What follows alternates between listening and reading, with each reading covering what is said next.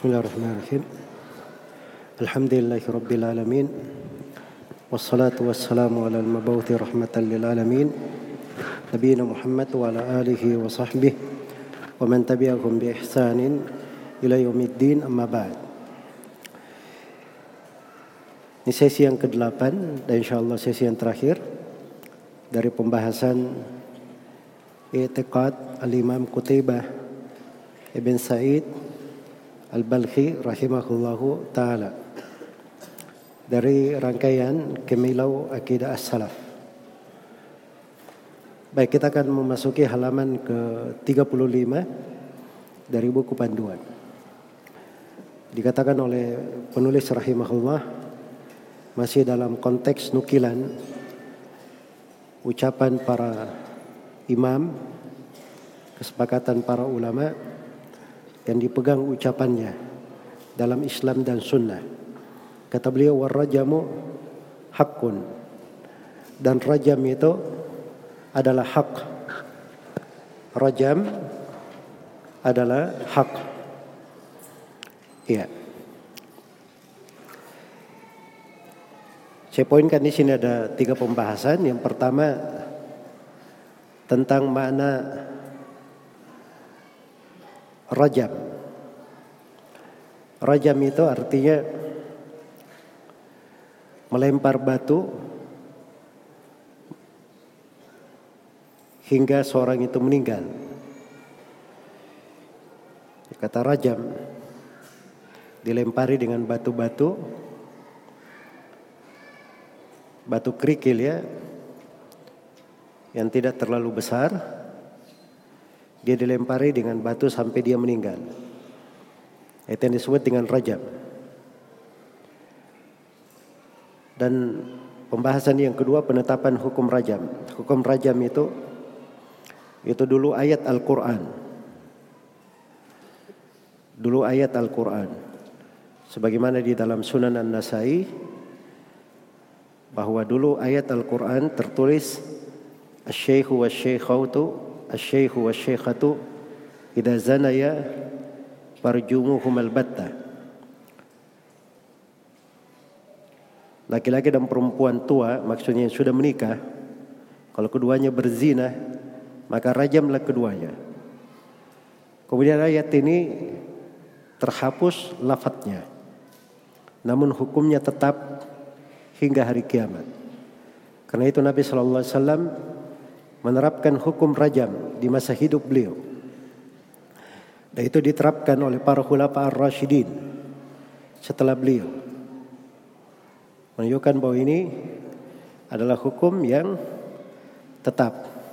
Adapun rincian bagaimana rincian rajam itu ketentuannya syarat penegakannya itu pembahasannya di pembahasan buku-buku fikih diuraikan di pembahasan buku-buku fikih.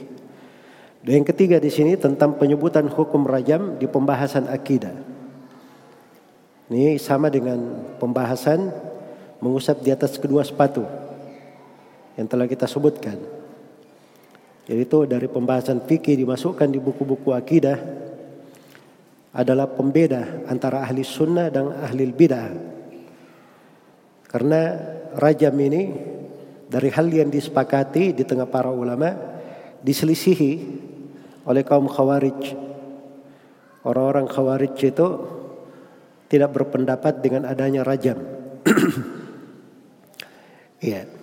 Orang-orang khawarij dan mu'tazilah karena mereka menganggap bahwa seorang yang berdosa besar itu tidak bisa terhapus dosanya dengan dirajam.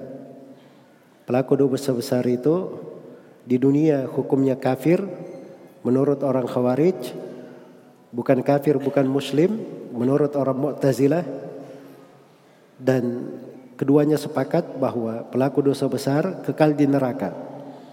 Karena itu mereka tidak menerima hukum rajam. Rajam itu diterangkan di dalam hadits Ubadah bin Samit di riwayat Bukhari dan Muslim ketika Nabi Shallallahu Alaihi Wasallam membeat para sahabat, ya terhadap beberapa perkara, maka Di antara beat yang diambil Nabi berkata wa man asaba min dalika syai'an fa uqiba fid dunya fa huwa kafaratullah.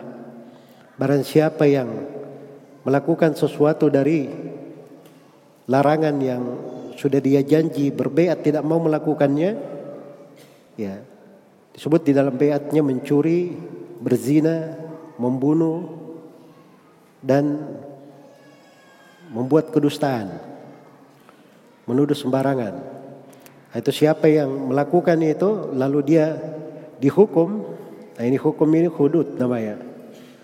Ya kalau ada yang kena maka itu adalah menjadi kafarah bagi dia. Penggugur dari dosanya. Penggugur dari dosanya.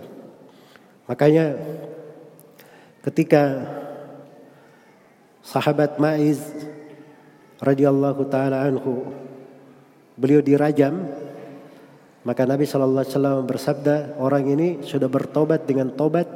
Andai kata dibagi kepada seluruh penduduk kota Medina, maka mencukupi mereka. Maka ini menunjukkan bahwa penegakan hukum rajam itu itu telah menghapuskan dosa yang dia lakukan. Dan ini tidak diterima oleh kaum Khawarij dan Mu'tazilah. Karena itu mereka mengingkari pelaksanaan rajam ini. Kemudian di halaman 36 Syekh di sini menjelaskan ciri ahli sunnah. Iya. Dan ini yang dia terima di tengah guru-gurunya berjalan. كتب لي رحمه الله تعالى وإذا رأيت الرجل يحب سفيان الثوري ومالك بن أنس وأيوب السختياني وعبد الله بن عون ويونس بن عبيد وسليمان التيمي وشريكا وأبا الأحواص والفضل بن إياض وسفيان بن عيينة والليث بن سعد وابن المبارك ووكيع بن الجراح ويحيى بن سعيد وعبد الرحمن بن مهدي ويحيى بن يحيى وأحمد بن حنبل وإسحاق بن راهوي فاعلم أنه على الطريق Iya.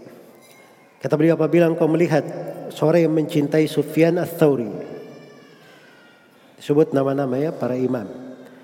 Kalau kamu lihat orang yang mencintai mereka semua, maka ketahuilah orang itu di atas sunnah. Orang itu di atas sunnah. Jadi ahli sunnah itu dia punya ciri-ciri. Ada cirinya ahli sunnah. Karena Nabi Shallallahu Alaihi Wasallam bersabda, "Al-mar'u ala dini khalili, falyanzur ahadukum man yukhalilhu." Seorang itu di atas agama orang yang dia sayangi, orang yang dia cintai. Khalil itu dari kecintaan yang sangat ya kepada seorang. Ya kalau ada orang yang sangat dia cintai, orang itu di atas agama siapa yang dia cintai. Iya. Makanya kalau dia cinta dari ulama ahli sunnah, ah, itu berarti dia di atas jalannya. Di atas jalannya. Maka ciri ahli sunnah itu dia cinta kepada ulama sunnah. Itu di antara ciri ahli sunnah. Siapa yang berpegang dengan sunnah, maka dia mencintainya. Dari para imam ahli sunnah. Di sini disebutkan beberapa nama imam. Yang pertama Sufyan Ats-Tsauri. Ini Sufyan bin Sa'id bin Masruq Abu Abdullah Ats-Tsauri. Imamnya negeri Kufah di masanya. Digelari Amirul Mukminin fil Hadith. Dan yang kedua Malik ibn Anas ini Imam Malik bin Anas bin Malik Al-Asbahi. Abu Abdullah, Imam Darul Hijrah. Imamnya kota Medina. Yang ketiga, Wa Ayub As-Sikhtiyani. Ayub bin Abi Tamimah As-Sikhtiyani. Abu Tamimah namanya Kaisan. Ayub bin Kaisan. Ini dari ulama ahli sunnah di masanya. Iya. Jadi Ibnu Mas'ud, Muhammad bin Sirin, Abu Kilabah, Muhammad bin Sirin, terus ada di bawahnya Ayub As-Sikhtiyani mengambil dari para imam itu. Berikutnya wa Abdullahi ibn Aun. Ini juga dari ulama Kufah rahimahullah. Dari imam sunnah. Kemudian yang kelima Yunus bin Ubaid. Yunus ibnu Ubaid ini dari murid Al Hasan Al Basri. Murid Al Hasan Al Basri. Kemudian yang keenam Sulaiman At-Taimi yaitu Sulaiman bin Tarkhan At-Taimi. Kemudian yang ketujuh Syarikan. Maksudnya Syarik bin Abdillahi An-Nakhai Al-Qadhi. Iya. Ini imamnya negeri Kufah. Dikenal di atas sunnah dan keras terhadap ahlul bidah. Dan beliau punya haibah yang luar biasa. Sebutkan bahwa beliau itu kalau datang ke sebuah kota itu belum belum sampai beliau, beliau belum lagi masuk di kota itu orang-orang sudah khawatir, orang-orang sudah gemetaran terhadap beliau. Rahimahullah. Karena beliau sangat tegas di atas sunnah. Berikutnya wabal ahwas. Ya, Abul Ahwas di sini adalah Auf bin Malik rahimahullahu taala. Kemudian Al-Fudail ibn Iyad. Al-Fudail bin Iyad bisa juga Abul Ahwas Salam bin Sulaim salah satu dari keduanya. Kemudian Al-Fudail bin Iyad. Al-Fudail bin Iyad ini ahli ibadah digelari sebagai Abidul Haramain, ahli ibadahnya di dua tanah haram, di Mekah dan di Medina. Sufyan ibn Uyainah ini imamnya negeri Mekah, imamnya negeri Mekah. Sufyan ibn Uyainah Abu Muhammad Al-Hilali Al-Makki. Al-Layth ibn Sa'ad Beliau Al-Layth ibn Sa'ad Abu Al-Harith Al-Fahmi Al-Misri. Ini imamnya negeri Mesir. Wabnul Mubarak yaitu Abdullah ibn al-Mubarak Abdullah ibn al-Mubarak Abu Abdurrahman Al-Khurasani ini imamnya negeri Khurasan wa Waki ibn al-Jarrah Waki ibn al-Jarrah Ibn Sufyan Abu Malih iya dan beliau dari imam ahli sunnah yang sangat terkenal sampai Imam Ahmad berkata kami itu kalau menghafal, hafalan kami itu takalluf. Nanti sungguh-sungguh baru bisa hafal. Kalau wakil tidak, hafalannya itu toba, tabiatnya memang seperti itu. Dengar sesuatu bisa langsung dia hafal. Inilah guru Imam Syafi'i. Ya, Imam Syafi'i berkata, "Syakautu ila waki'in suha hifdhi, farshadani ila tarkil ma'asi." Wa qala, "Innal ilma nurun wa nurullah wa nurullahi la yuqda asi." Kata Syafi'i, saya adukan kepada waki buruknya hafalanku. Ya, kalau Imam Syafi'i mengadu buruk hafalannya, kira-kira kita bagaimana ya? Ya. Saya mengadu kepada waki buruknya hafalanku. Maka kata waki, beliau memberikan petunjuk kepadaku supaya saya meninggalkan maksiat. Seraya berkata, ketahuilah bahwa ilmu itu cahaya dan cahaya Allah tidak diberikan kepada orang yang bermaksiat. Baik. Berikutnya wa Yahya bin Sa'id. Ini Yahya bin Sa'id Al-Qattan dari Imam Ahli Sunnah digelari Amirul Mukminin fil Hadis. Wa Abdurrahman ibn Mahdi. Dan ini juga dari imamnya negeri Basrah rahimahullah.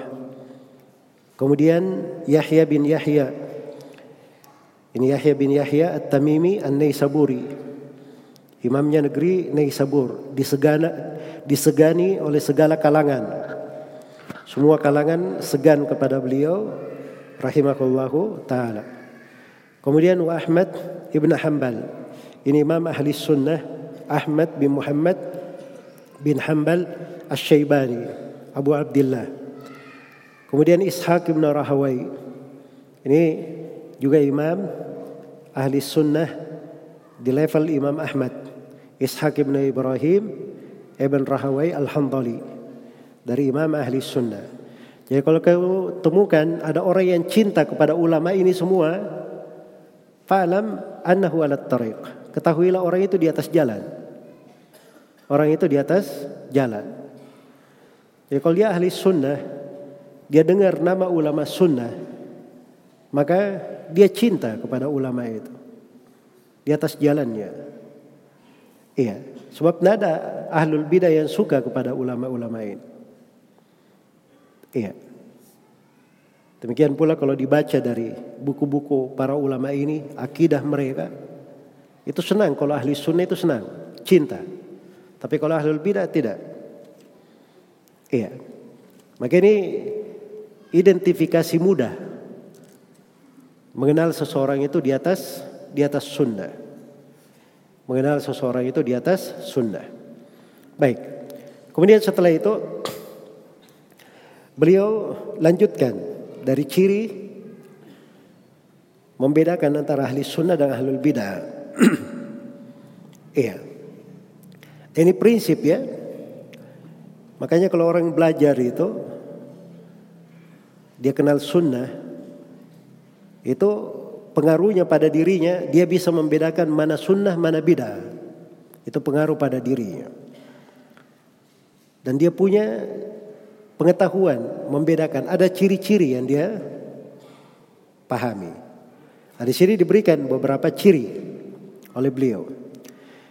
Kata beliau, "Wa ira ra'aita ar-rajula yaqulu haula'i syakkaku fahdaruhu fa innahu ala ghairi tariq." Apabila engkau melihat seorang berkata bahwa mereka ya ulama itu tadi para peragu sungguhnya orang itu berada di atas selain jalan sunnah. Iya. Sungguhnya orang itu berada di atas selain jalan sunnah. Ini cirinya kaum murjiah. Orang-orang murjiah itu dari ciri mereka itu menuduh ahli sunnah sebagai para peragu. Kenapa? Sebab ahli sunnah membolehkan berkata anak mukmin insya Allah. Saya adalah seorang mukmin insya Allah. Jelas ya? Itu dibolehkan oleh ahli sunnah tidak ada silam pendapat. Akan datang nanti di akidah Abu Hatim dan Abu Zur al-Razi bahwa para ulama membolehkan istifna dalam iman dari semua ulama yang beliau jumpai di berbagai negeri. Iya. Ahli sunnah di dalam mengatakan insya Allah itu bukan ragu. Bukan ragu. Tapi mereka mengatakan insya Allah di situ ada beberapa sebab. Di antara sebabnya keimanan itu banyak cabang-cabangnya. Banyak cabang-cabangnya. Maka dia katakan insya Allah dia berharap bisa melakukan seluruh dari cabang-cabang keimanan itu seluruh dari cabang-cabang keimanan tersebut. Iya. Kemudian seseorang itu, yang kedua seorang itu jangan terkesan dia memuji dirinya. Jangan dia katakan imanku sudah sempurna. Atau imanku seperti imannya Jibril. Imanku seperti imannya Nabi Muhammad. Itu tidak boleh dia katakan seperti itu. Tapi begitu dia katakan saya mukmin, insya Allah itu dia jauh dari merekomendasi dirinya. Jauh dari merekomendasi dirinya. Tapi bukan keraguan. Karena seorang ahli sunnah itu tidak ada yang ragu di dalam keimanannya. Tapi orang murjia menganggap, oh ini para peragu. Makanya itu dahulu cirinya ahli sunnah boleh mengatakan anak mukmin insya Allah. Kalau dia tidak membolehkan, ah, itu murjia berarti. Itu kelompok murjia. Sebab orang murjia berkata, iman saya itu sama dengan iman Jibril. Iya, iman pelaku dosa itu sama dengan iman pelaku ketaatan. Itu ucapan kelompok murjiah. Tapi ahli sunnah tidak. Mereka mengatakan bahwa iman itu berjenjang. Bertingkat-tingkat. Iya. Dan seorang itu tidak memuji dirinya. Di atas apa namanya pokok-pokok tidak memuji dirinya bahwa imannya itu telah sempurna. Kemudian yang kedua mewaspadai kaum murjiah. Ini murjiah ini panjang pembahasannya ya. Panjang pembahasannya. Nah, akan datang nanti di akidah Abu Hatim Abu Zur Ar-Razi kita akan uraikan pokok-pokok pemahaman murjiah. Tapi murjiah itu sendiri dari kata al-irja yang bermakna takhir. Ya, dia akhirkan amalan dari penamaan iman. Murjiah itu berkumpul dalam makna amalan tidak masuk di dalam iman. Bertemunya di situ kelompok Murji'ah. Jadi amalan tidak masuk di penamaan iman. Baik. Dan ini ucapan kelompok Murji'ah ada beberapa ucapan pokoknya insya Allah kita akan bahas nanti di doro yang akan datang terkait dengan akidah Imam Abu Hatim dan Abu Zur'a Ar-Razi. Kemudian setelah itu dijelaskan di sini tentang ciri kaum Jahmiyah. Kata penulis rahimahullahu taala Wa idza qala al-musyabbihatu fahdaruhu fa innahu jahmiyun. Bila orang tersebut berkata, mereka para ulama itu adalah musyabbiha, jadi ulama ahli sunnah dia tuduh sebagai musyabbiha, maka kata beliau hati-hati. Itu adalah kelompok Jahmiyah. Itu kelompok Jahmiyah. Iya. Pertama apa makna Jahmiyah itu? Apa makna Jahmiyah? Jahmiyah itu digunakan untuk dua penggunaan. Penggunaan yang pertama, Jahmiyah digunakan untuk semua orang yang menyimpang di pembahasan sifat. Dikatakan Jahmiyah. Iya. Kemudian yang kedua, dari penggunaan Jahmiyah, Jahmiyah digunakan untuk orang yang khusus mengikuti pemahaman Jaham bin Sofwan. Yang mengikuti pemahaman Jaham bin Sofwan. Jaham bin Sofwan ini dari Samarkand, orang Turmud. Dia di Khorasan juga. Tapi orang yang aneh di wilayah Khorasan. Sebab tidak ada di masanya orang yang semisal dengan ini dalam buruknya keyakinan dan agamanya. Jelas ya? Iya. Ini orang yang disebut Jahmiyah. Jaham bin Safwan. Baik, jadi itu dua penggunaan. Jahmiyah untuk penggunaan Jahmiyah. Jadi kadang semua orang yang menyimpang disebut Jahmiyah.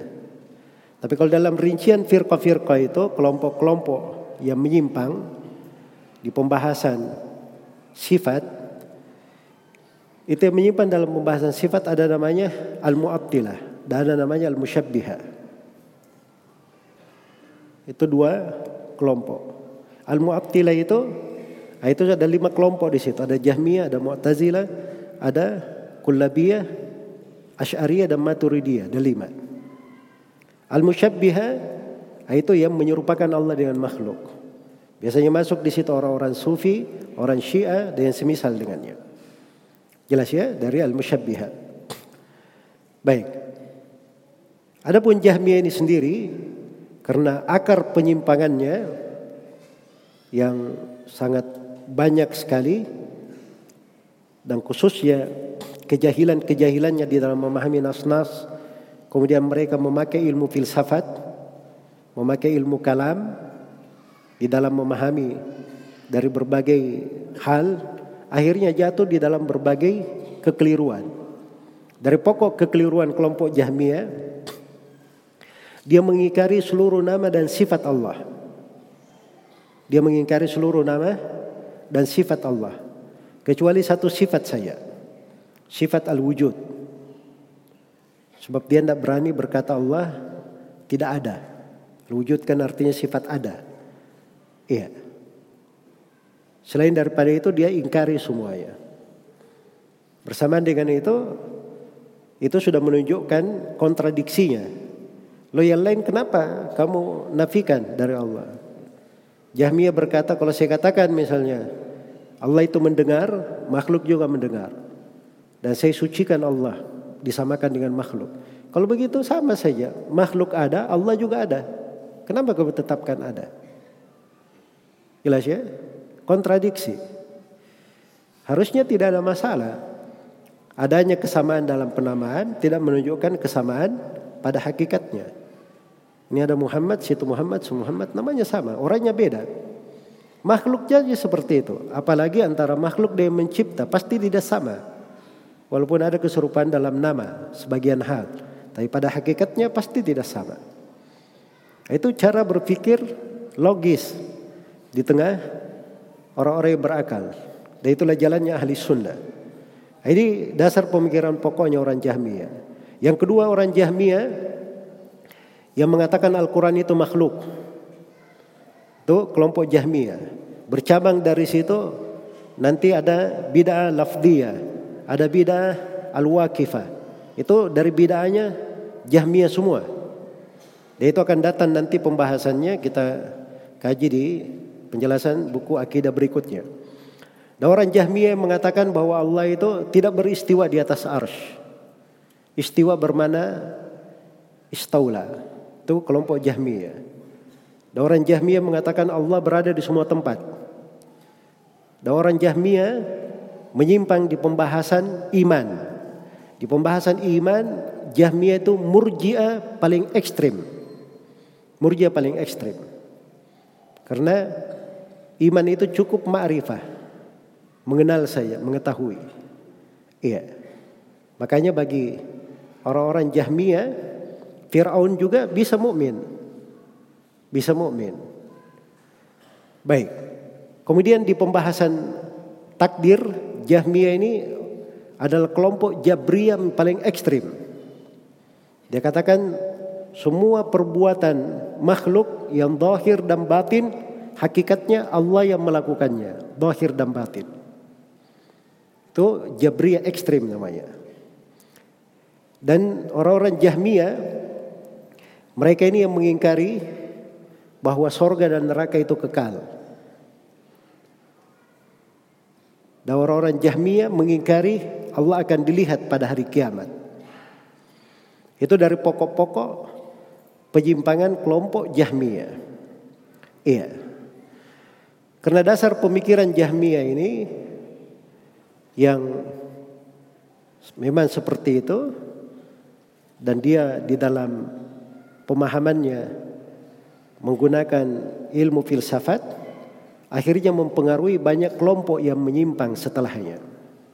Karena itu kata Ibnu Qayyim rahimahullah, "Walida taqassamat at-tawa'if qawlahu wa tawarathuhu irtha sahmani lam yanju turran min aqwalihi siwa ahli al-hadith wa syi'atil qur'ani." Kata beliau, karena itu kelompok-kelompok yang menyimpan setelah Jahmiyah itu kayak membagi-bagi, saling mewarisi pendapatnya Jahmiyah. Seperti orang yang mengambil hak warisan. Tidak ada yang selamat dari pemikiran Jahmiyah ini kecuali satu saja. Ahli hadith dan pengikut Al-Quran. Itu adalah ahli sunnah wal jamaah. Adapun kelompok-kelompok yang lain pasti ada pengaruh dari pemahaman Jahmiyah, termasuk kelompok Asy'ariyah. Di banyak usul terpengaruh dengan pemahaman Jahmiyah. Di Jabriyah ada pengaruh di pembahasan takdir terpengaruh dengan pemahaman Jahmiyah.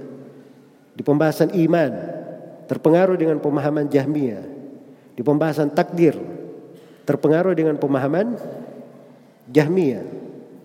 Ya, orang-orang Asy'ariyah dan ini rinciannya panjangnya untuk diuraikan. Jadi itu kesesatan kaum Jahmiyah. Adapun musyabbiha yang disebut di sini karena ahli sunnah itu saya sudah terangkan tadi ya di dalam pembahasan nama dan sifat ada dua kelompok yang menyimpang. Ahli sunnah berada di pertengahan. Kelompok yang menyimpang pertama musyabbiha. Uh, kelompok menyimpang yang pertama namanya al-mu'attilah dan yang kedua namanya al-musyabbiha. Al-mu'attilah ini ini yang menafikan sifat-sifat Allah. Al-Musyabbihah itu yang mengatakan Allah serupa dengan makhluk. Allah serupa dengan makhluk. Kalau orang musyabbiha mengatakan ahli sunnah mu'attilah. Orang mu'attilah mengatakan ahli sunnah musyabbiha. Jelas ya? Dan itu berlangsung sampai hari ini. Sampai hari ini. Iya. Makanya ahli sunnah itu oleh sebagian manusia digelari mujassima, mumathila, musyabbiha katanya. Itu dibangun di atas pemahaman dia sendiri. Ya. Ketika ahli sunnah menetapkan Allah punya tangan. Ahli sunnah berkata Allah punya tangan. Hakikat. Sebagaimana Allah kabarkan. Tapi tangannya itu sesuai dengan keagungan dan kebesaran Allah dan pasti tidak sama pasti tidak sama dengan makhluknya. Ini ucapan ahli sunnah.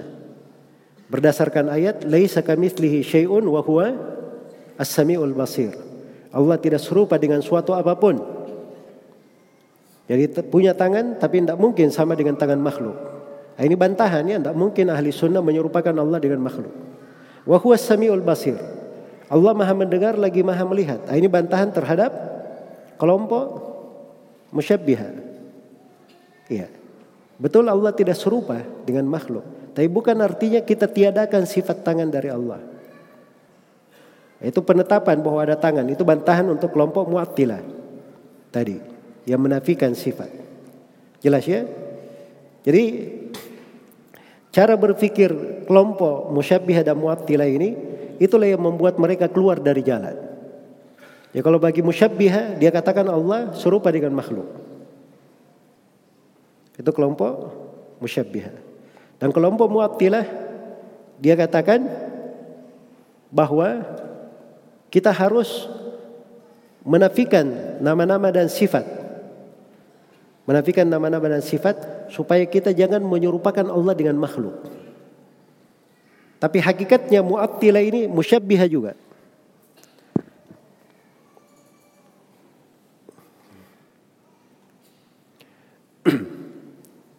Jadi hakikatnya kelompok mu'attilah ini musyabbiha juga. Dan kelompok musyabbiha mu'attilah juga. Iya. Dan ini kalimat jadi kaidah ya di pembahasan akidah. Kullu mu'attilin musyabbih wa kullu musyabbihin mu'attil. Ahli sunnah yang berada di pertengahan. Jadi tuduhan setiap kelompok tidak mungkin itu ada pada ahli sunnah. Tidak mungkin. Dan ini pembahasan perlu uraiannya insya Allah kita akan terangkan nanti di kajian-kajian yang akan datang. Halaman 39 ciri kaum Qadariyah. Iya. Kata beliau idza al-mujabbiratu fahdaruhu fa innahu qadari. Apabila orang itu mengatakan bahwa mereka ahli sunnah itu mujabbirah. Maksudnya berpemahaman jabriyah. Maka hati-hati dari orang itu. Itu adalah kelompok Qadariyah. Itu seorang Qadari. Saya poinkan tiga pembahasannya. Yang pertama makna Qadariyah. Qadariyah itu dari sudut istilah ada dua penggunaan. Penggunaan yang pertama, semua yang menyimpang di pembahasan takdir itu disebut Qadariyah. Semua yang menyimpang di pembahasan takdir. Apakah dia menafikan atau menetapkan? Semuanya disebut sebagai qadariyah. Dan penggunaan yang kedua, qadariyah itu digunakan khusus untuk kaum Mu'tazilah dan yang semisalnya dari qadariyah yang menafikan masyiah Allah, kehendak Allah dan penciptaan Allah terhadap hal-hal yang Allah takdirkan. Ini penggunaan khusus. Jelas ya? Jadi kalau detailnya begini. Semua yang menyimpang di pembahasan takdir disebut apa? Sebut kodaria. Yang menyimpan di pembahasan takdir itu ada dua kelompok. Ada kelompok kodaria, an-nufah, dan ada kelompok al-qadariyah al-muthbatah. Kelompok al-qadariyah an-nufah inilah yang biasanya disebut Qadariyah. Lebih populer begitu. Kelompok Qadariyah Al-Muthbatah ini nama lainnya disebut Jabriyah. Nama lainnya disebut apa? Jabriyah. Kelompok Qadariyah An-Nufah itu ada dua golongan. Golongan yang pertama itu golongannya Ma'bad Al-Juhani dan teman-temannya yang sudah kita bahas di awal pertemuan kemarin yang mengatakan takdir itu Sebelumnya Allah tidak tahu. Perkara baru terjadi. Ketika baru terjadi Allah baru tahu. Nah, ini kelompok Qadariyah sepakat para ulama ini kafir keluar dari Islam. Ini Qadariyah ekstrim namanya. Qadariyah jenis yang kedua itu Qadariyahnya kaum Mu'tazilah. Tidak terlalu ekstrim. Mereka mengatakan mereka menafikan dari empat tingkatan keimanan kepada takdir itu. Kemarin ada berapa? Ada empat ya keimanan kepada takdir. Apa yang pertama? Al-ilm. Yang kedua, al-kitabah. Yang ketiga, al-masyiah dan yang keempat, al-khalq. Yang pertama, mengimani bahwa segala yang ditakdirkan Allah mengetahuinya. Yang kedua, kita imani bahwa segala yang ditakdirkan sudah dicatat di Lauhul Mahfuz. Yang ketiga, kita imani bahwa segala yang ditakdirkan Allah menghendakinya terjadi. Dan yang keempat, kita imani bahwa apa-apa yang Allah takdirkan dari dat dan perkara-perkara itu Allah yang menciptakannya. Allah yang menciptakannya. Jadi ini empat tingkatan.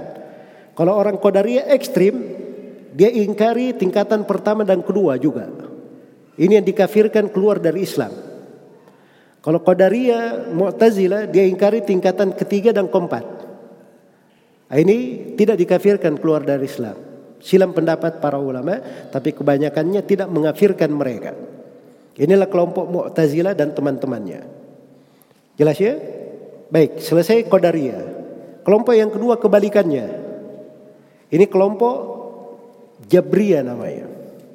Jabriyah juga dua kelompok. Ada Jabriyah ekstrim. Jabriyah ekstrim. Nah, itulah kelompok Jahmiyah tadi. Kelompok Jahmiyah di sini di pembahasan ima, di pembahasan takdir dia Jabriyah paling ekstrim. Dia tetapkan perbuatan untuk hamba.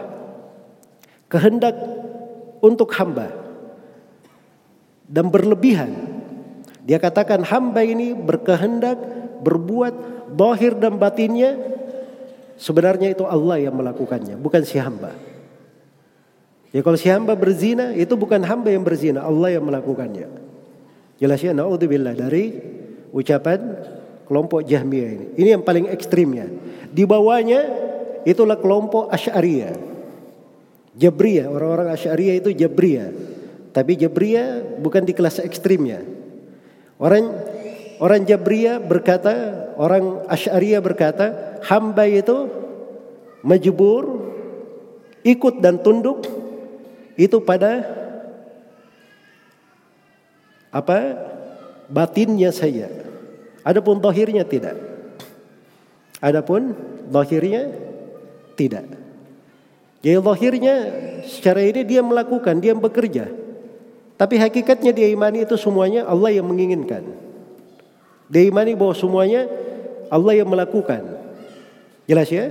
Ini kelompok Jabriyah Asy'ariyah. Dari semuanya keliru. Cukup satu ayat antum hafal. Antum akan keluar semuanya dari kesesatan kelompok Qadariyah. Apakah Qadariyah Nufah atau Qadariyah Al-Muthbata? Qadariyah atau Jabriyah? Antum akan lepas dengan satu ayat saya. Yaitu firman Allah Subhanahu wa taala, "Wa ma tasyauna illa ayyasha Allahu rabbul alamin." Wa ma tasyauna. Tidaklah kalian berkehendak. Ini bantahan untuk kelompok Qadariyah dari kalangan Mu'tazilah, Ma'batal Juhani Mu'tazilah yang semisalnya. Iya. Jadi mereka menafikan bahwa Allah Subhanahu wa taala uh, afwan wa ma tasyauna ini bantahan untuk kelompok Jabriyah ya. Wa ma tasyauna illa ayyasha Allahu rabbul alamin. Tidaklah kalian berkehendak kecuali Allah Rabbul Alamin menghendakinya. Ya, jadi wa mata syauna itu adalah bantahan untuk kelompok untuk kelompok Jabriyah. Jabriyah mengatakan itu hamba tidak ada kehendaknya. Hamba itu seperti apa namanya? Seperti bulu. Bulu itu ada angin dari timur, dia ikut ke selatan. Ada angin, ada angin dari timur, dia ikut ke apa namanya barat. Ada angin dari barat, dia pergi ke ke timur. Jelas ya? Itu orang-orang Jabriyah. Seperti ucapan penyair mereka, alqahu fil yammi maktufan wa qala lahu iyyaka iyyaka tabtalla bil ma'i. Dia dilempar di laut, dalam keadaan tangan dan kakinya terikat, lalu pesannya kepadanya, hati-hati jangan sampai kamu kena air. Bagaimana caranya? Lempar ke laut, terikat tangan dan kakinya, pesannya jangan sampai kamu kena air. Jadi maksudnya dia tidak punya hak berbuat apa, semuanya dia lakukan saja. Nah, ini kelompok Jabriyah. Maka begitu disebut di ayat wa mata syauna, tidaklah kalian berkehendak. Allah tetapkan hamba itu punya kehendak. Hamba itu punya kehendak. Jelas ya? Ini bantahan terhadap kelompok Jabriyah. Illa ya Allah, ini bantahan terhadap kelompok Qadariyah. Qadariyah mengatakan perbuatan-perbuatan hamba sendiri, bukan perbuatan Allah. Kehendak-kehendak uh, Qadariyah berkata perbuatan hamba itu ciptaannya hamba. Ciptaannya hamba, bukan ciptaan Allah. Perbuatan hamba kehendak dia sendiri, bukan kehendak Allah. Maka di sini di ayat bantahan dikatakan illa ayyasha Allah. Tidak ada suatu kehendak apa pun kecuali Allah pasti menghendakinya. Jelas ya? Jadi satu ayat bantahan terhadap semua kelompok yang menyimpan di pembahasan takdir. Baik, itu global pembahasan terkait dengan akidahnya kaum Qadariyah, orang-orang Qadariyah. Telah syah dari Nabi sallallahu alaihi wasallam, beliau berkata al-Qadariyah majus majusu hadhil ummah. Orang-orang Qadariyah itu adalah orang-orang majusinya umat ini. Karena orang-orang majusi mengatakan pencipta itu ada dua. Ada pencipta kegelapan, pencipta cahaya. Ada pencipta kebaikan, ada pencipta kejelekan. Nah, itu orang-orang Qadariyah. Baik. Jadi selesai sudah ini ya kesesatan kau Qadariyah di mana dan mana mujabbir apa. Setelah itu kata penulis rahimahullahu taala wal imanu yatafadhal. Iman itu bertingkat-tingkat. Iya. Iman itu berjenjang. Ini sudah kita terangkan. Wal imanu qaulun wa amalun wa niyah. Iman itu ucapan, amalan dan niat. Ini juga kita sudah uraikan tentang mananya. Wassalatu minal iman, waz zakatu minal iman, wal hajju minal iman, wa imatatul ada anit tariqi minal iman. Salat itu adalah keimanan, zakat merupakan keimanan, menyingkirkan gangguan dari jalan adalah keimanan. Ini penegasan ahli sunnah ya, bahwa iman itu ada ucapan, perbuatan, amalan. Ada perbuatan, ucapan, perbuatan, dan keyakinan. Itu iman. Tiga hal. Amalan-amalan itu bagian dari keimanan. Bagian dari keimanan. Dan ini semuanya penegasan. Ya, tentang iman di kalangan ahli sunnah.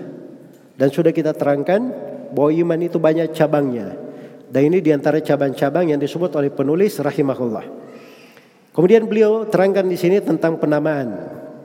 Ya. Dalam masalah iman.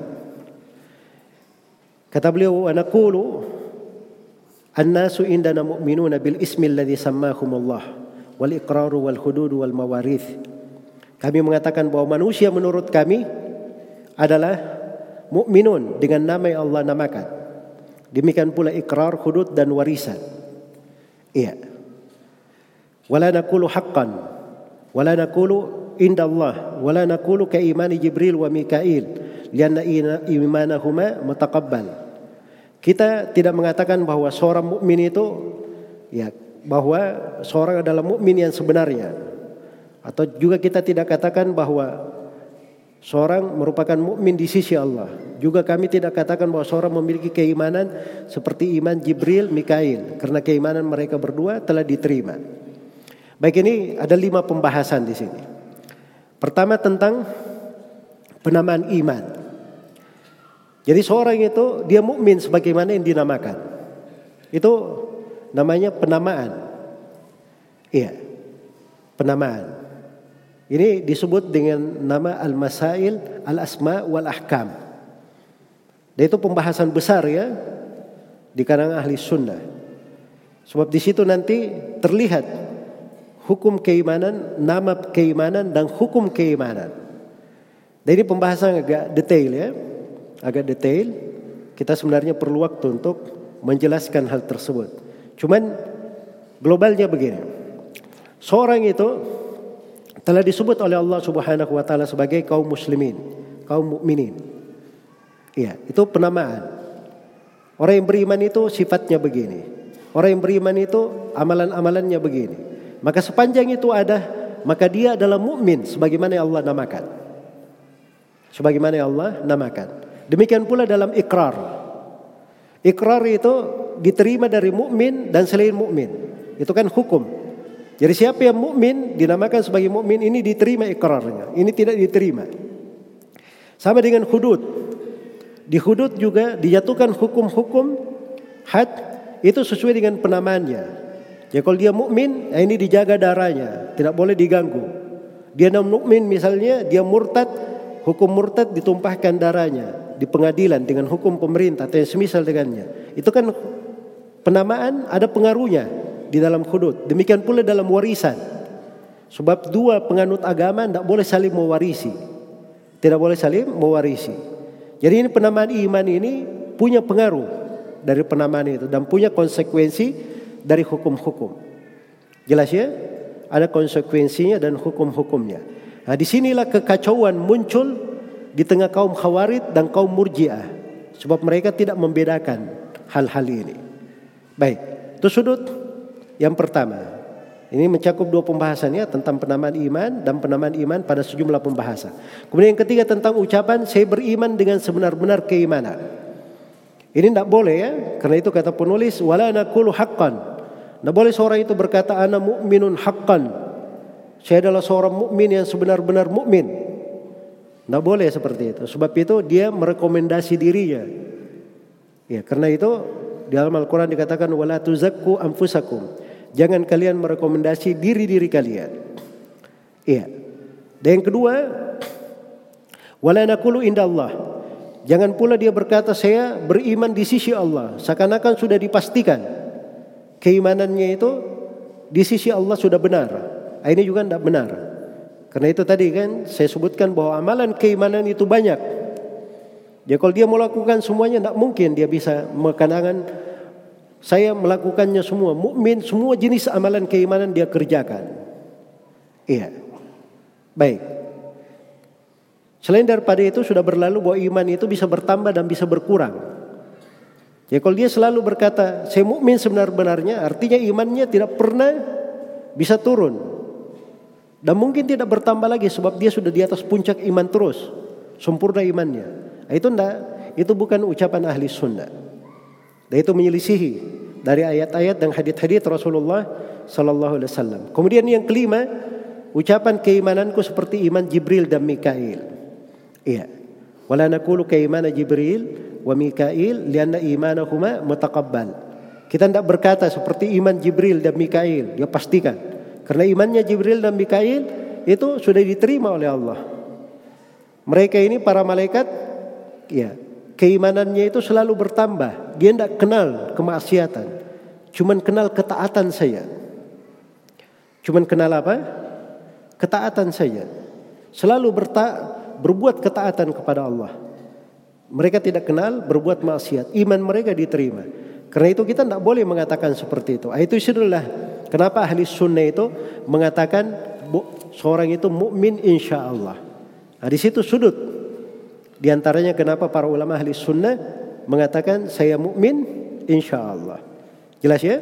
Baik, kemudian setelah itu kata beliau di halaman 42 wala yusalla khalfal qadari wala rafidhi wala jahmi. Qadariyah sudah kita kenal. Jahmiyah juga sudah kita kenal. Kalau Rafidah itu siapa? Rafidah itu Syiah. Syiah Rafidah.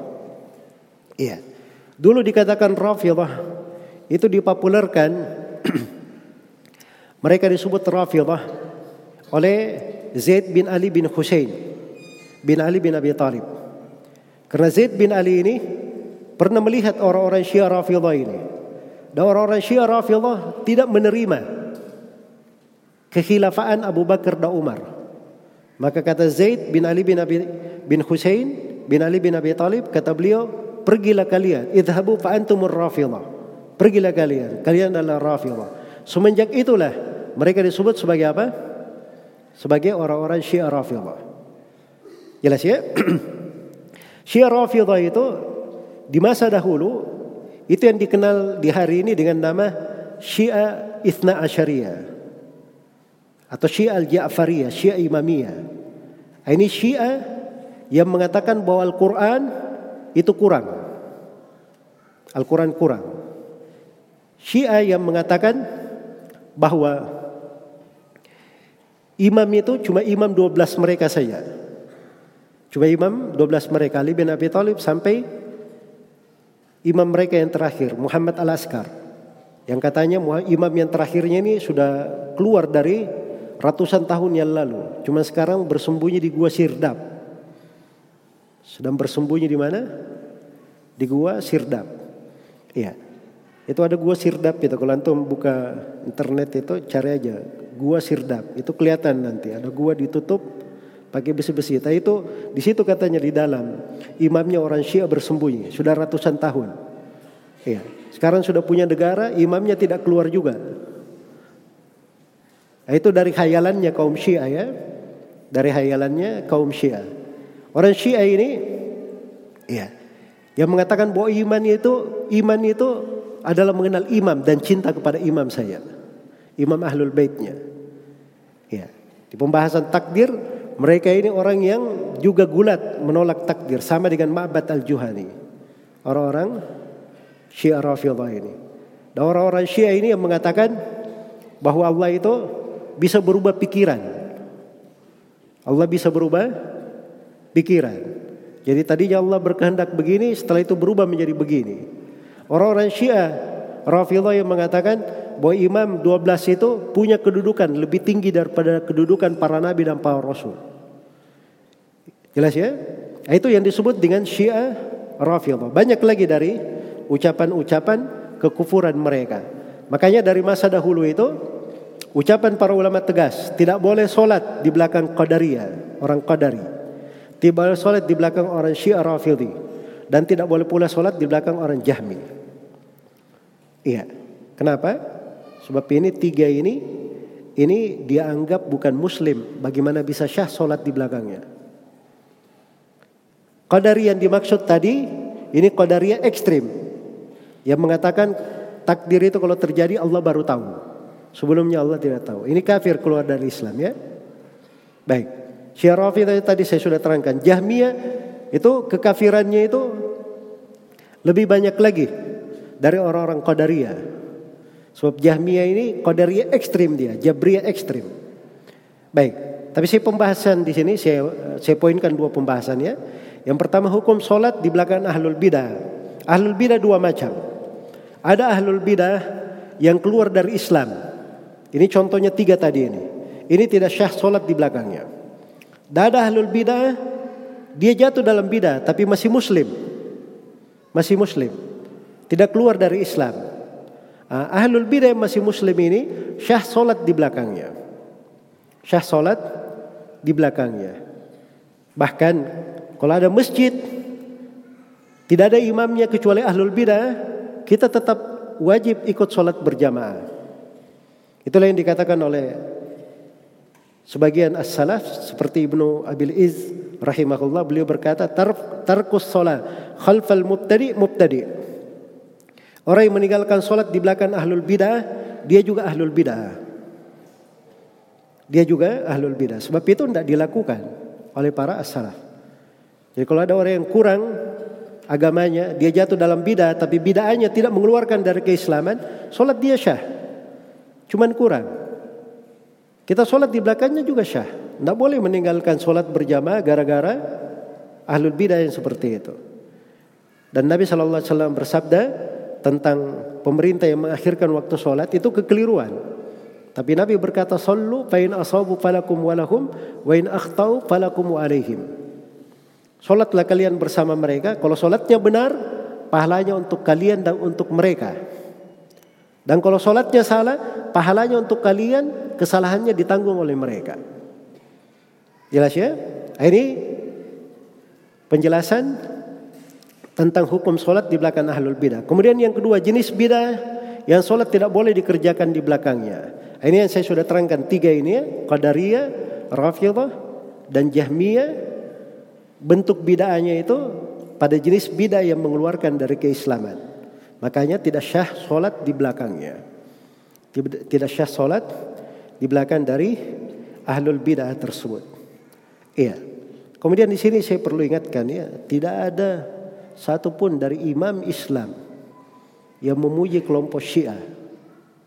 Karena itu kalau ada orang-orang yang mengatakan Syiah itu Muslim juga, Syiah itu bisa didekatkan. Syiah itu seperti madhab kelima di samping empat madhab. Ini adalah orang-orang yang baru lahir kemarin. Kalau para ulama, para imam yang terdahulu itu tidak seperti itu ucapannya.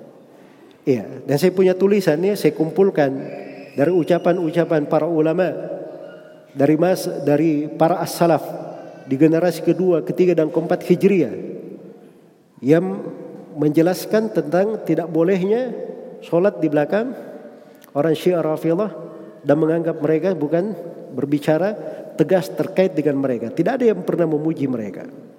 Baik. Kemudian setelah itu kata penulis rahimahullah taala ini halaman 43 bantahan terhadap siapa saja yang berkata Al-Quran adalah makhluk. Kata beliau man inna hadhihi al-ayata makhluqatun fahuwa kafir. Innani ana Allah la ilaha illa ana fa'budni. Wa ma kana Allah liya'muru Musa ay ya'budu makhluqan.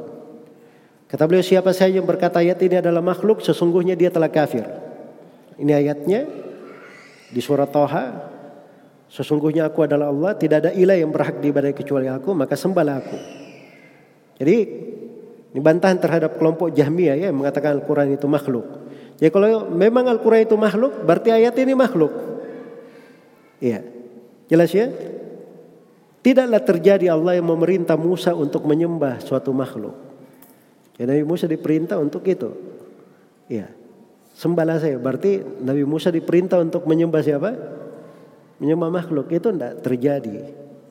Sama ketika kita baca doa pagi dan sore. A'udzu bikalimatillahi tammat min syarri ma khalaq. Saya berlindung kepada Allah dengan kalimat-kalimat Allah yang maha sempurna dari keburukan apa yang Dia cipta.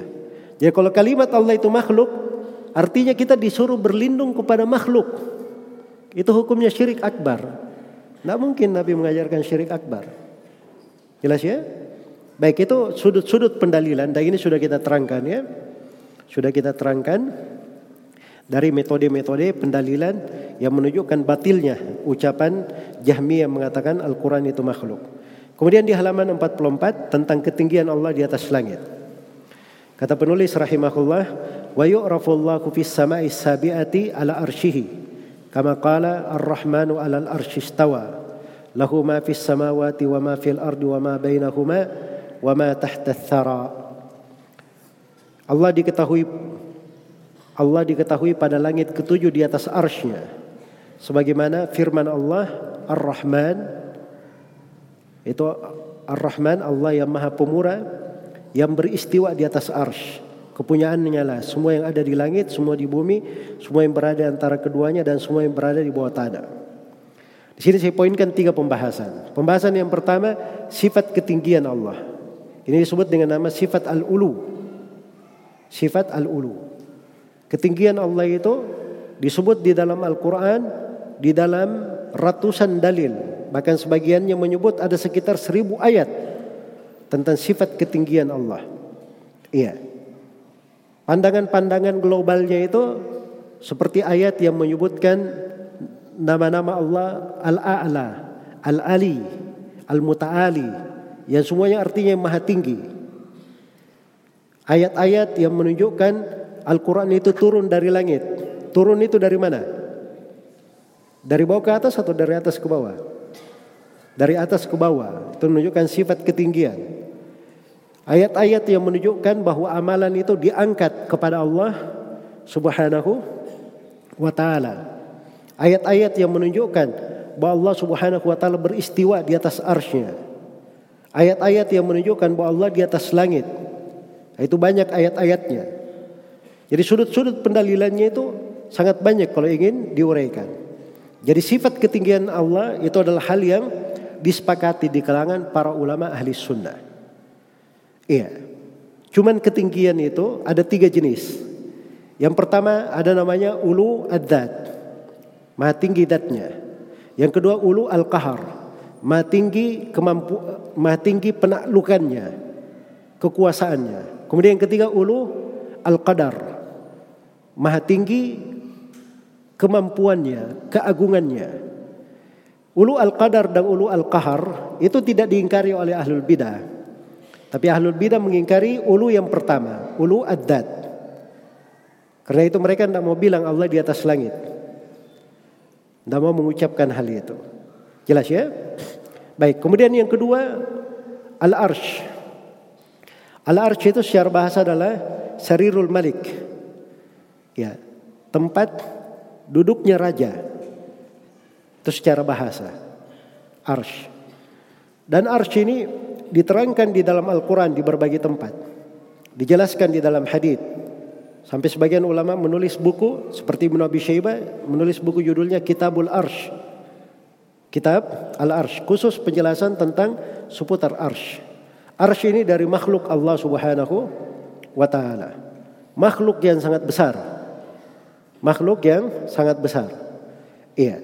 Karena itu kalau dibahasakan sesuatu yang tidak ada apa namanya sangat luas sekali itu disebutkan dengan penggambaran ars juga. Seperti pada dua yang populer ya subhanallahi wa bihamdihi adada khalqihi wa ridha nafsihi wa zinata midada kalimati.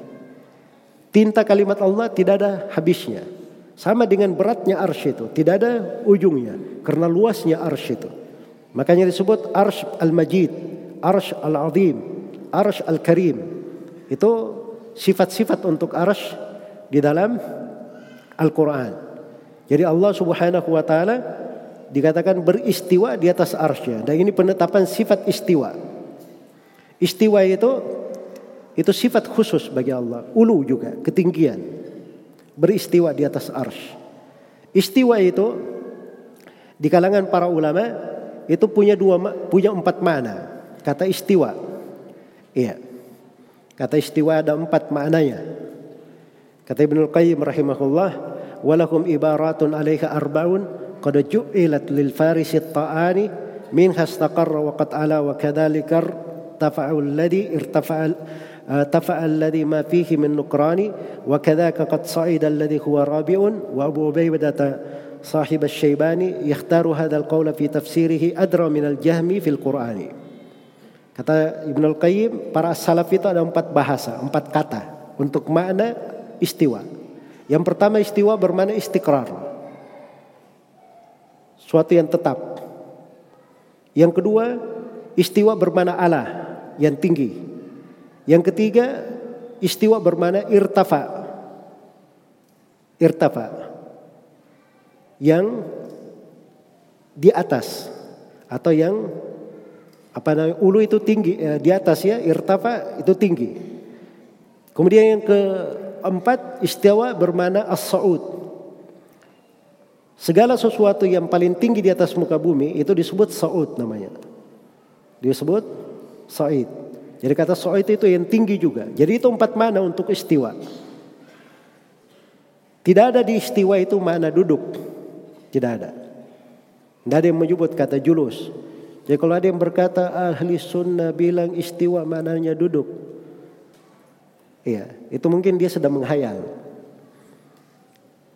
Tidak ada ahli sunnah yang berucap seperti itu.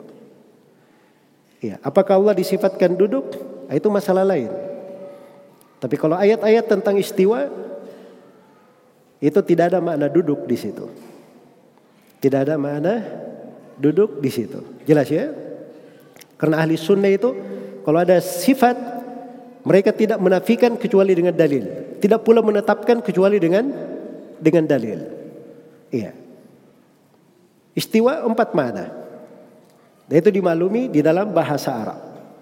Baik. Sekarang muncul pertanyaan, apa bedanya sifat ulu dan sifat istiwa? Apa bedanya sifat ulu dan sifat istiwa? Ada beberapa perbedaan. Perbedaan yang pertama, kalau ulu tadi terbagi tiga. Kalau istiwa itu dia ulu khusus karena dia ulu dat. Ulu terkait dengan dat. Jelas ya? Ulu khusus. Perbedaan yang kedua, istiwa itu istiwa itu ditetapkan apa namanya? Istiwa itu Perbedaan yang kedua, istiwa itu penetapan pendalilannya itu dari Al-Quran, dari hadis dan dari kesepakatan ulama. Tiga saja. Tapi kalau ulu penetapan pendalilannya dari Al-Quran, dari hadis, kesepakatan ulama, dari akal sehat, dari fitrah manusia. Fitrah juga. Makanya anak kecil saja kalau ditanya, tidak pernah belajar, di mana Allah dia akan menuju ke langit. Itu fitrah. Tapi kalau istiwa, andai kata Allah tidak kabarkan di dalam Al-Quran tentang sifat istiwa, kita tidak tahu. Bahwa Allah subhanahu wa ta'ala beristiwa di atas arsnya. Jelas ya?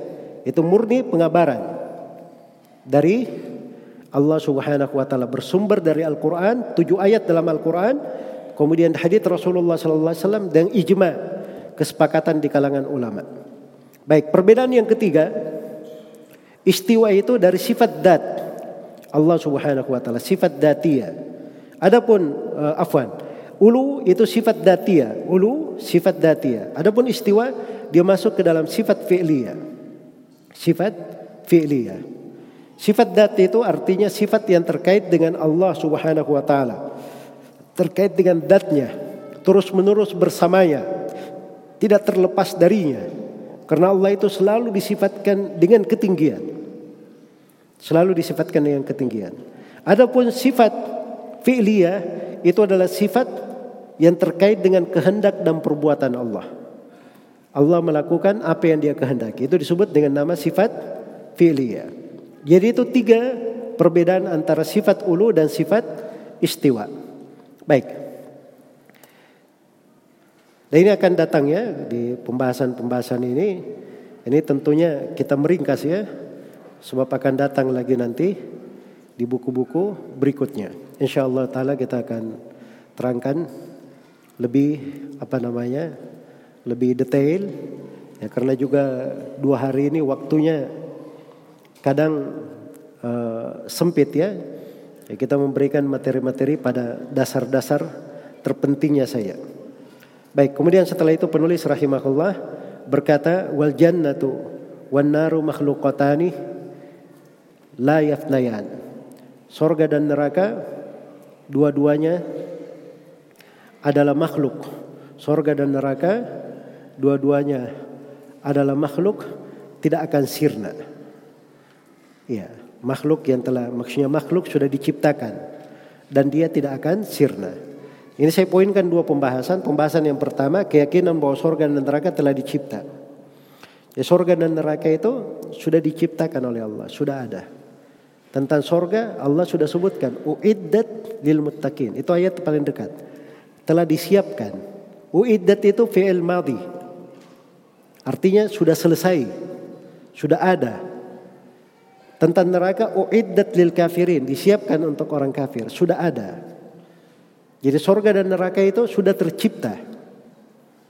Dan sorga dan neraka la yafnayan. Tidak akan sirna. Tidak akan sirna. Dia dicipta untuk kekal. Memang diciptakan oleh Allah Subhanahu wa taala untuk kekal. Makanya dikatakan kependuduk sorga khuludun fala maut. Kekal tidak ada kematian. Neraka juga seperti itu. Kekal tidak ada kematian. Itu ada delapan makhluk. Ada delapan makhluk Allah. Allah ciptakan untuk kekal. Iya, dikumpul oleh Suyuti dalam dua bait syair. Kata beliau thamaniyatun hukmul baqa'i ya ummuha minal khalqi wal bakuna fi hayyizil adam.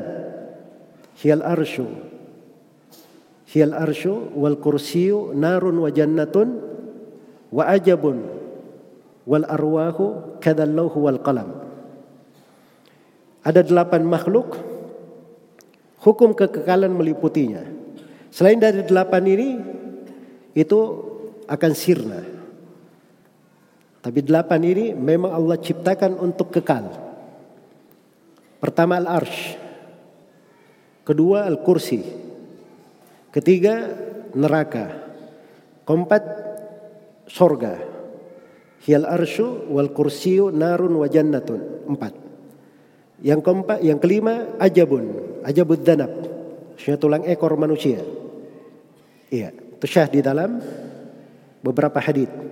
Kemudian yang keenam wa arwah wal arwah, ruh-ruh manusia. Itu dicipta untuk kekal.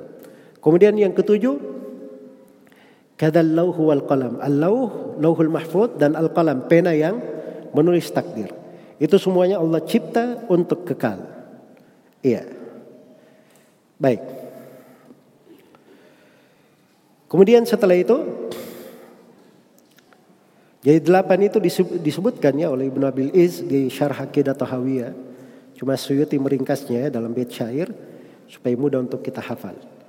Dan dua bait syair itu saya pernah bacakan kepada Syekh Shalal Fauzan. Hafizahullah. Kemudian beliau terangkan satu-satu kepada saya. Lalu beliau katakan iya itu semuanya benar. Seperti yang dikatakan oleh Asyuti. Baik. Kemudian yang terakhir di sini kata beliau wassalatu minallahi faridatun wajibatun bitamami ruku'iha wa sujudiha wal qira'atu fiha. Salat itu adalah suatu kewajiban dari Allah dengan kesempurnaan ruku, sujud dan bacaannya. Iya. Sini ada dua pembahasan. Yang pertama tentang kewajiban sholat. Kewajiban sholat. Yang kedua ketentuan seputar sholat yang sempurna. Sholat itu dikatakan sholat ada rukunya, sujudnya, membacanya. Itu yang disebut sholat. Jangan sampai seperti orang-orang sufi ya. Iya. Orang sholat Jumat dia cuma duduk, duduk depan rumah ya. Begitu pulang sholat Jumat, ada keluarga saya yang tegur. Bapak kenapa anda sholat Jumat?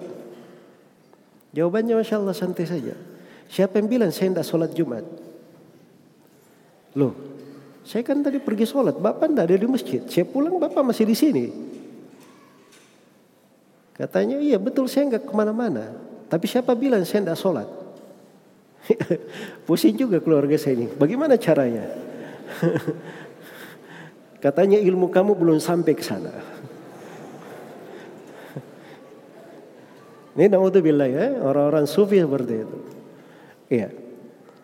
Baik. Nah itu hal yang lebih aneh daripada itu juga ada. Kalau dicerita, ini panjang nanti kita cerita ya.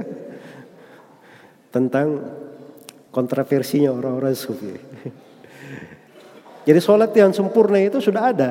Nabi SAW bersabda, Sallu kama ra'aitumuni wa salli.